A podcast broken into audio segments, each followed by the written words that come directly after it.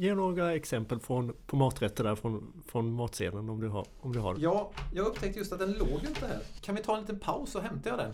Den, för, den försvann. Ska jag hämta den? Ja men gör, gör det så eh, tar vi en paus.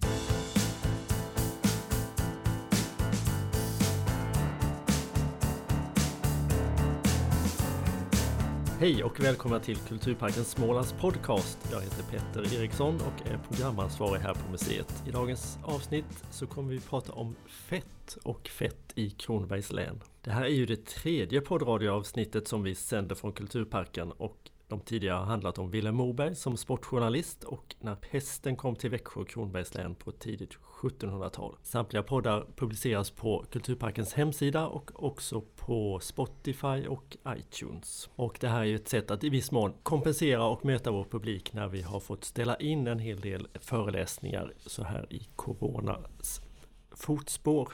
Idag har jag med mig Samuel Palmblad, första byggnadsantikvarie på Kulturparken. Eh, du har också medverkat i en rad böcker om beredskapstider men också skrivit om eh, danska arkitekter som har varit verksamma i Växjö med mera. Vad gör du på jobbet den här veckan Samuel? Ja, det var en bra rolig fråga. Ehm, vi har ju ganska mycket byggen som pågår runt om i länet och en av de större som ska dras igång nu är faktiskt renoveringen av Hovmantorps kyrka. Annars får jag omkring ganska mycket på alla, allehanda rådgivningsärenden och byggmöten och sådär. Häromdagen berättade du för mig eh, en resa som du hade gjort i länet som jag tror slutade på eh, 22-23 mil. Kommer du ihåg vilka orter du besökte på en och samma dag? Att man ska tänka efter. Ja, det, vi var ju i... Vi började i Ormesberga och sen var vi i Eke och sen var vi i Lenhovda och sen i Merhult och sen var vi nere i Lessebo och sen var vi i Jämla och sen var det bortåt eh, Mistelås så det blir, man försöker hinna med mycket på en dag. Ja. Och då är det olika byggmöten där man kallar in dig som expert eller konsult för att få rådgivning eller veta vad som gäller om man ska... Ja, och sen kan det vara att man har fått eh, statliga bidrag och då ska det hållas formella byggmöten där vi går igenom med hantverkarna exakt vad som ska utföras och vilka metoder och material som ska användas så att det finns, det finns en uppföljning över de här skattepengarna, vad de används till så att de går till rätt saker och hur det utförs på bästa antikvariska sätt. Och skriver jag det också som vi har varit inne på och föreläser en hel del i, både här på museet och ute i länet. Ibland utanför länet. Ja, till och med det. Ja. Du, vi skulle ju prata om fett här idag. För vi ska ha en grund att stå på. Vill du berätta vad, vad det är fett? Eller varför, varför behöver man få i sig fett? Det är en bra fråga och då kommer jag göra det väldigt lätt för mig. Och det är att jag kommer faktiskt läsa vad Livsmedelsverket skriver. För jag vill ju understryka att jag är ingen livsmedelsexpert. Och eh, ingen expert på hur kroppen tar emot och eh, hanterar fett. Så jag läser faktiskt till här. Fett ger kroppen energi i koncentrerad form och lagras i fettväven som energireserv. Fettväven är dessutom värmeisolerande och ger skydd åt inre organ. Fett behövs för att kroppen ska kunna bygga och reparera celler och tillverka hormoner och hormonliknande ämnen. Fett behövs också för att kroppen ska kunna ta upp de fettlösliga vitaminerna A, D, E och K. Fetterna förser oss också med livsnödvändiga så kallade essentiella fleromättade fettsyror. Dessa fettsyror kan inte kroppen tillverka själv utan vi måste få i oss dem via maten. Och de här fettsyrorna påverkar en rad funktioner i kroppen, bland annat blodtryck, blodets levringsförmåga och immunförsvaret. Det här är alltså det är bra grejer detta. Eftersom fett då innehåller mycket energi per gram så kan det ju vara som så att man kanske får i sig för mycket energi och då kan det ju leda till övervikt. Men eh, om man tänker så här att Livsmedelsverket skriver ju att ungefär 70 gram fett per dag behöver en kvinna få i sig och en man ungefär 90 gram. Och med tanke på de här fantastiska egenskaperna som då fett nu uppenbarligen har så kan man ju tänka så här att vad hade hänt om vi har blivit eh, isolerade, vi har hamnat i en allvarlig kris eller i faktiskt en krigssituation. Då hade ju faktiskt staten tänkt på detta för att under eh, det berömda kalla kriget och faktiskt även därefter så lagerhöll då staten och eh, med tillhörande företag oerhörda mängder kvalitet, kval, kvantitet med fett. Tittar man då lite på vad fettet, vad ska man säga, fettnavet i Sverige, vad skulle du gissa att det var Petter? Ja, det finns ju det här uttrycket med eh, allt smör i Småland som jag vet att vår historiker Håkan Nordmark eh, har en bra förklaring. Jag ska inte redogöra för den eh, nu men jag, jag får ju vara partisk då och gissa på att det, vi rör oss här i Småland. Ja, och inte bara Småland utan faktiskt då Kronobergs län. Och under den, under den här beredskapseran så kallades just länet stundom för fettlänet och det var det jag tänkte nämna lite grann. För tittar man lite på då statens eh, beredskapslagring så är ju den faktiskt ganska gammal. Redan under första världskriget, det var ju allvarlig livsmedelsbrist i landet och allmänna problem kring varuförsörjning, så tog man ett beslut här 1917. Då instiftades Statens lagerhus och frys, fryshusstyrelse med syftet att beredskapslagra livsmedel för användning i krig och kristid.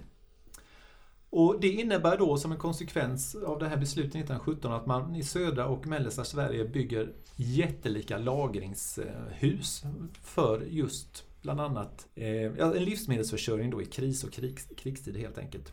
Och eh, Det som då fettet kommer in här som en intressant aspekt det är ju det att i Karlshamn så byggdes det upp en fabrik eh, 1918 och där tillverkar man en hel del Eh, produkter, bland annat någonting som heter sojaskrå och liknande. Men eh, det uppstår en kamp mellan smör och margarintillverkare kan man säga under 20-talet och den eh, blommar ut så tillvida att man eh, det blir ett smärre smörkrig. Och som en konsekvens av det så köper Kooperativa förbundet Karlshamnsfabriken 1932. Och vad är då skillnaden mellan smör och margarin? Ja, smör är ju Vispad grädde och margarin består i numera av första hand vegetabiliska oljor då som raffineras och bearbetas på olika sätt. Det kan vara palmolja och jordnötsolja och andra sådana dylika produkter. Och eh, när man tittar på fett generellt så säger Livsmedelsverket att vi bör äta mer fett men framförallt eh, fett då från fisk och rapsolja, olivolja och nötter och liknande. Och just rapsoljan är lite intressant här nu som vi återkommer till. Men eh, Karlshamn KF köper detta och 1933 vet jag att eh, i, eh, i Karlshamn tillverkas exempelvis 11 000 ton kokosfett. Och det används då eh, bland annat sen i, samarbete, i sammanhang med tillverkning av margariner. Och det här växer och Karlshamn blir ett stort nav kring margarintillverkning och KF bestämmer då att man ska centralisera sin stora fabrik dit och det byggs då en ny 1965. En jätteanläggning. Och i samband med det så kan man säga att fabriken i Karlshamn får ju uppdrag då att lagra fettersättningsprodukter. Och det var ju då för att om vi blir isolerade, vi kan inte köpa in olika typer av eh, animaliska eller vegetabiliska fetter så eh, börjar man då bunkra upp i beredskapsförråd. Och tanken är då att man inte ska lagra det i direkt anslutning till fabriksområdet utan man gärna mer undanskymt. Och då tittar man lite norrut och då kommer man in till Kronobergs län. Och där finns en ort som ligger väldigt bra till eh, om man tittar på vägnätet. Om man nu ska åka ner till Karlshamn och det är ju Grimslöv. Och Grimslöv, om Kronoberg är fettlänet så blir ju Grimslöv fetthjärtat kan man säga. Det är liksom hela navet i den här fettlagringen. Och det är bland annat då framförallt för att det ligger bra till kommunikationsmässigt och uppenbarligen fanns det bra lagringsytor för det man gör är att man i första hand hyr in sig hos bönder. Man eh, fyller upp ladugårdar helt enkelt. Och jag tänkte nämna några platser bara. Och då tar jag det förrådskluster som innehöll valolja. Det var ju en av de här animaliska produkterna som då periodvis användes för margarintillverkning. Och då kring Grimslöv så låg det i Persgård, Lilla Nygård, Ströby, Norregård, Turelund och sen ner mot Lönashult, Horjeboda, Horjemo och liknande. Och tittar man bara specifikt på valoljelagret så låg där en period 3000 83 ton med valolja. Och då kan man ju gissa att det gick åt ganska många valar för att fylla upp de förråden. Utöver det så fanns det på en rad platser kring Grimslöv också någonting som heter akolit, en typ av fiskfett. Och så fanns det kokosfetter. Det fanns i Sunnavik, det fanns i Sjöbolund och Haga och Hunna och i stärkelsefabriken och liknande. Vi pratar alltså om tiotusentals ton med fett som i händelse av att landet blir isolerat eller vi mobiliserar eller vad det nu må vara, ska kunna försörja Karlshamnsmejerierna så att de kan producera så oerhört mycket fett så att invånarna i vårt land kan ta del av detta då. Och då är det naturligtvis inte Kronobergarna som är prioriterade utan det är ju en nationell resurs. Om man tänker upp i övre Norrland med alla dessa ansamlingar av arméförband så måste de ju ha tillgång också till fett naturligtvis. Har du någon uppgift om hur länge man trodde att det här lagret skulle kunna räcka eller hur länge har, skulle man kunna vara försörjd på det här? Ja, det är ju naturligtvis en 10 000 kronors fråga lite hur länge sånt här skulle räcka. Men man tittar på upp mot fem månader. Det var ju en siffra som var omnämnd, så det är ju ganska länge. Och sen ska man ju också, också man måste tänka på att Dels så ska livsmedelslagren som fanns i Sverige, det ska ju vara en buffert kan man säga. Man ska ju naturligtvis nyttja de kommersiella lagren som ICA-handlarna och Konsum och lik, som, de, som de hade faktiskt. Men också hade man den här stora lagerhållningen som var just för kris och krig. Och det omsattes ju också. Fettlagren låg ungefär i tre år brukar man prata, sen gick det ut till Karlshamn, så användes det och sen köpte vi dem i våra butiker och sen fyllde man på nytt. Sen experimenterar man ju mycket i Karlshamn, man har ju ett fint laboratorium och man vill ju då mer och mer inrikta sig på en vegetabilisk eh, eh, oljeprodukt. Och då utvecklar man någonting som heter Lobra för beredskapsändamål. Och det är ju en, en rapsolja som har förfinats och sen lägger man det på 200 liters fat. Och eh, det bunkrar man också upp med då i Kronoberg och de sista lagren töms ju då 2000-2001. Då slutar i stort sett hela den här beredskapslagringen av livsmedel. Och då fanns i Ljungby, i Blädinge och Lenhovda. Det var de tre sista skälvande förråden i här länet. Och bara där i de tre förråden fanns då 2000-2001 sammanlagt 4096 ton låbra. 4096 ton låbra. Om man då tänker att en mansperson ska få ungefär 90 gram per dag så inser man att det är ju ganska stora kvantiteter. Och jag faktiskt tog med den, en liten matsedel. Eh, och ja. Eh, den matsedeln är ju då framtagen för att kunna nyttjas om vi har områden i Sverige som blir isolerade eller särskilt utsatta. Då var ju tanken att eh, potatis, kött och mjölk, det ska man på något sätt ändå kunna få fram. Vi har ju mycket jägare och liknande. Men sen hade då staten stora lager med vegetabilier. Och det man då ska kunna ombesörja det är ju då att med gröna ärtor, gula ärtor, linser, eh, ris och eh, den typen av eh, varor. Och då har man gjort den här listan med en veckomatsedel helt ja. enkelt. Och då ser man där att... Från, varje, vilket, från vilket år? Den är från 19, 1992. 92, mm. ja. Och då står det där att en, man ska per person få ungefär 90 gram fett om dagen. Och man ökar till och med det efter ett tag upp till 96 gram. Och det är just för att det är så viktigt. Människor är stressade, människor gör åt massa energi och då måste man se till att det finns den här grundtilldelningen. Och när man läser matsedeln så är det ju väldigt nyttiga grejer. Det är linsplättar, det är ärtsoppor, det är risotto, och hela den biten. Så det, det var väl genomtänkt eh, med fettet. Ge, ge, några exempel från, på maträtter där från, från matsedeln om du, har, om du har den. Ja, kan vi ta en liten paus så hämtar jag den? Jaha, ja! Jag upptäckte just att den låg inte här. Den, för, den försvann när vi ja, är på rätt Ska jag hämta den? Ja men gör, gör det så eh, tar vi en paus och eh, återkommer.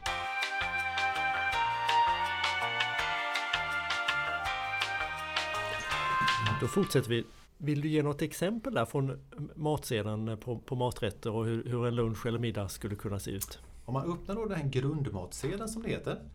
Så kan vi ta dag ett exempelvis. Då är det uppdelat i tre måltider. Eh, frukost, kokta råg, vetekorn och bröd. Då får man 2 deciliter råg, vetekorn, 2 matskedar margarin och 45 gram bröd. Lunchen består av bruna bönor, potatis, kött och bröd. Och då får man då 1,5 deciliter bruna bönor, en potatis, 50 gram kött, 2 matskedar margarin. Middagen dag 1, linsgryta med kokt ris, 1,5 deciliter linser, en halv deciliter risgryn, tre matskedar margarin och 60 gram bröd. Och för varje dag, det är en veckomatsedel, så är det då det är bruna bönor, det är linser, det är eh, potatis, det är bruna bönor och liknande. Och för varje måltid så har man då noggrant angett, angett vikt, vikten av margarin. Ja. Och då är det så här att de här dagarna har man till och med preciserat exakt hur många gram varje person avses få i, få i sig. Och då första dagen är det 84 gram, andra dagen 84. Sen stegrar man detta så man kommer upp då till 96 gram per dag. Och det ger då att varje person ska kunna erhålla 0,64 kilo på en vecka. Och eh, det är ju som allt annat i den här beredskapsvärlden, det är väldigt detaljerat in Ja. på minsta gram. Men man inser när man läser detta och när man förstår hur fett fungerar, hur viktigt det är att det här var ju en nationell strategisk resurs. Det är lätt att prata Ja. om bomber och granater och flygbas och liknande men i det här totalförsvaret så var ju då fett en av de här kugghjulen för att ha en fungerande krigsmakt och en fungerande civilbefolkning exempelvis. Och eh, jag tänkte också nämna det att de här fettlagren de levde ju sitt egna lilla liv. Det var ju inte så många som visste om att de fanns eller kanske ens brydde sig. Men det höll på att bli panik 1992. Då var det en stor skogsbrand i Kronoberg utanför Älmhult, Vakumyr. Det är på nyheterna och det berättas mycket om detta och då inser ju personal vid de här beredskapsfunktionerna att det brinner ju i anslutning till ett av de här fettlagren. Och fettlagret låg utanför Fälhult, heter det, utan nord, vad blir det? sydost om Älmhult. Och där fanns vid denna tid 2487 ton med fett.